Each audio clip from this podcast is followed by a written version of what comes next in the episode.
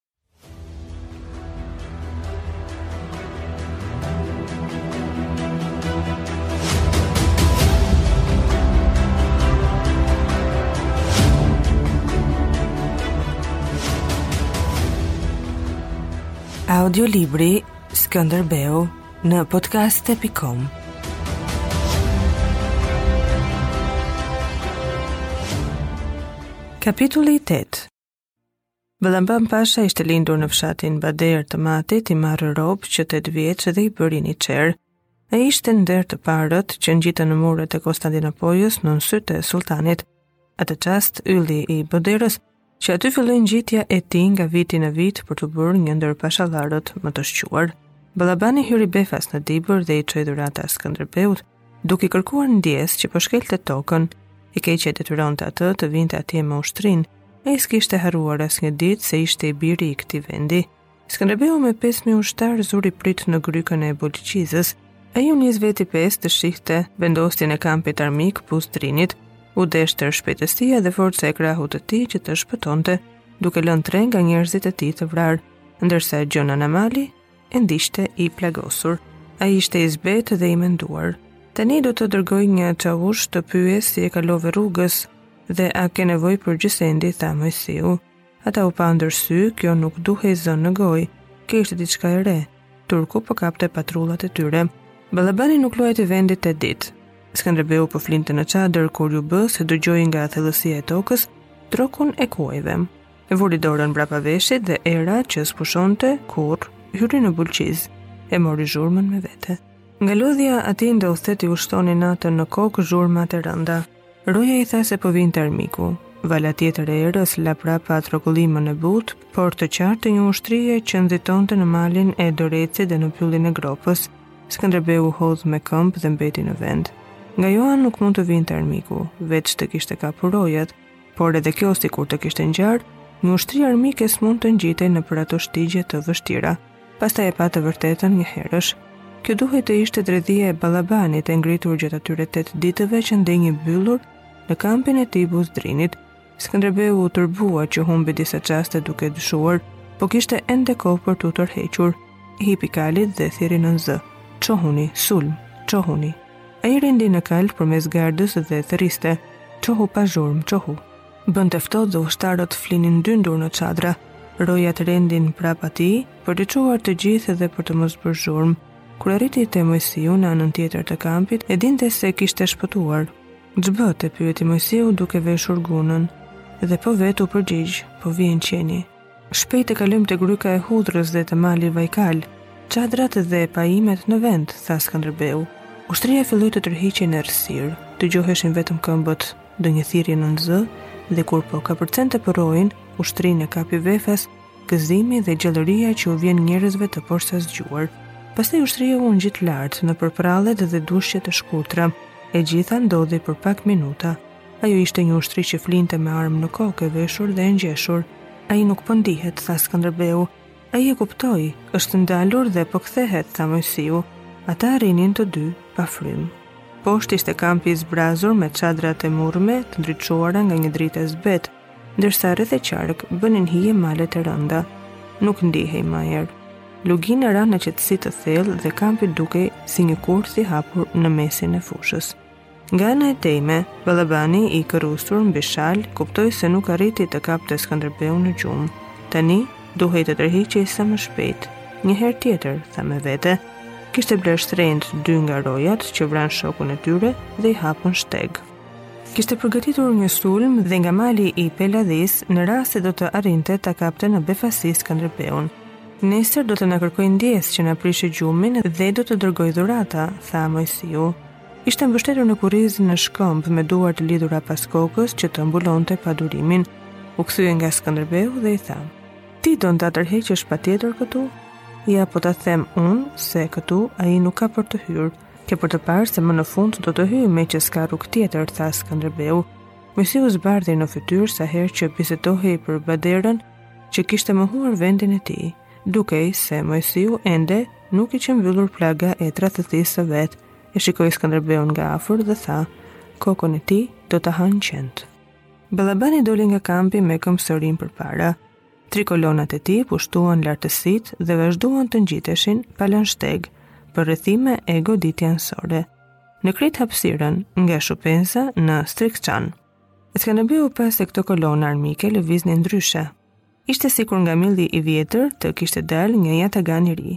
Skënderbeu nisi tërheqjen, i bindur se Ballabani do të pranonte betejën lart në grykë dhe pas një qëndrese të shkurtër, ia la të lirë kalimin tek ura e qytetit. Skënderbeu u ngjit në të djathtë tek fusha e Valikardhës. Tanushi ishte nga ana e tejme, në malin e Peladhisë. Në fushën e vogël të Valikardhës, Skënderbeu u sulmua nga një armik që kërkonte fitoren. Vlerësimet e tij mbi millin e vjetër dhe jataganin e ri u provuan si të vërteta. Armiku ndiqte Skënderbeun rrëzë malit dhe me furi e duke larë tokën me gjak. Dukej se Badera donte të thyente krahët dhe pastaj të vërsulej në qendër. Furia e armikut zuri të bjerë dhe ishte koha për Skënderbeun që të kthehej të lëshohej poshtë. Nëse po ndodhte e njëjta gjë me Tanushin në malet e Peladhisë, Baderës nuk i mbetej veç të bënte një sulm të fundit në qendër ose të niste tërheqjen.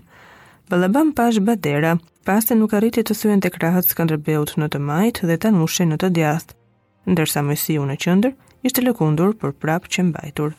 Boderës i mbetej vetëm fare pak kohë të bënte atë lojë mbi qendrën, të sulmit, tërheqjes dhe pritës së menduar gjatë prej tij dhe që duhej të jepte fitoren.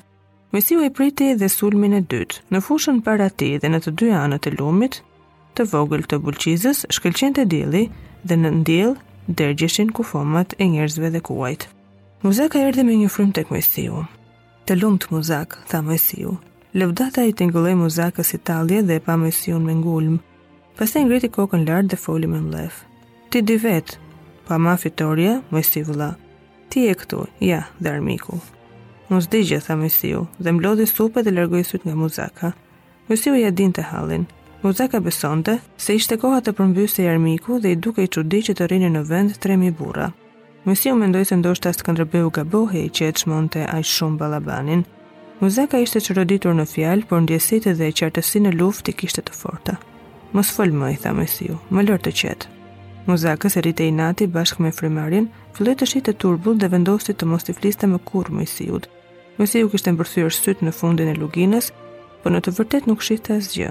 Ishte ndehur i tëri të dëgjonte atë që po ndodhte prapa malit në të djathtë. Skënderbeu e kishte ndarë punën e Ballabanit me Tanushin.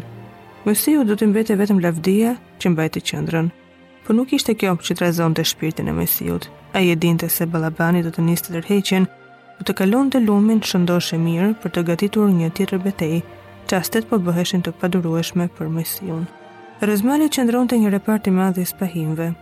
Në qendër te dalja e luginës, skuqte si zjarr oxhaku i jeniçerëve, ndërmjet Mojsiut dhe këtyre trupave të armikut, bridhnin kuaj pa zot dhe tërhiqej ndonjë i plagosur. Mojsiu arriti në qendrën e vet dhe ngriti shpatën. Ushtria u ngjesh dhe u gatit.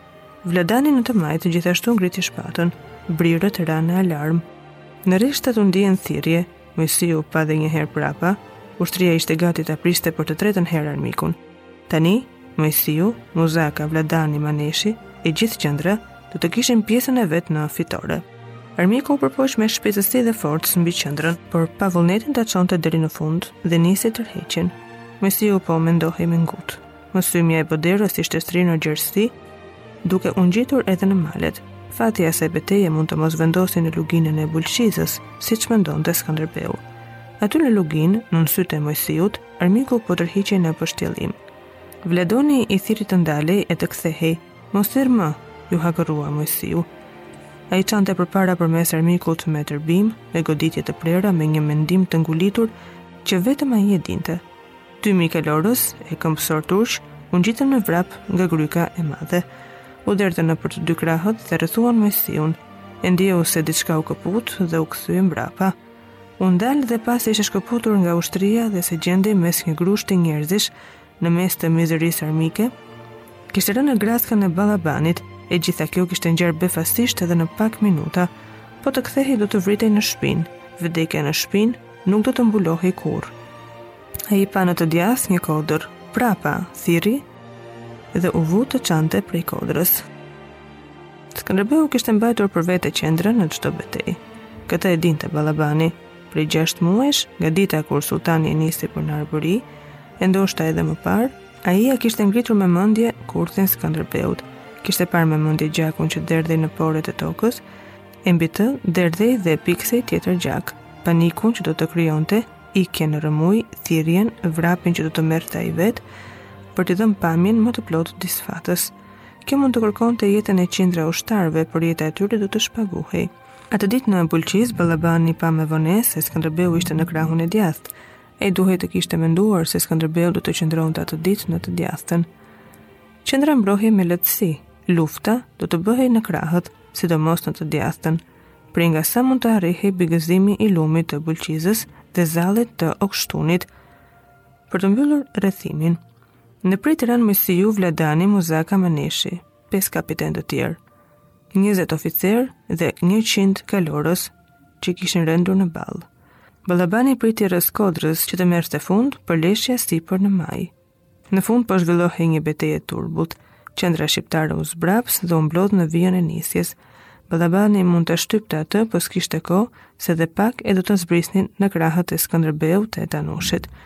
Kur i zbritën robërit të raskapitur e të gjakosur, Ballabani pa se kishte zënë një gjë që s'ia priste mendja, gjysmën e kapitenëve të Arbërisë.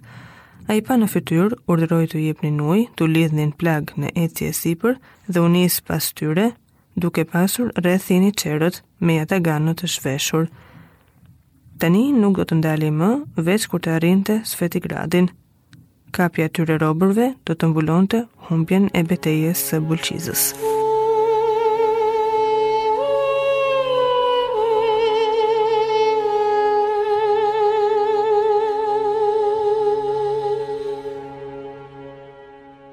Audiolibri Skënderbeu në podcast.com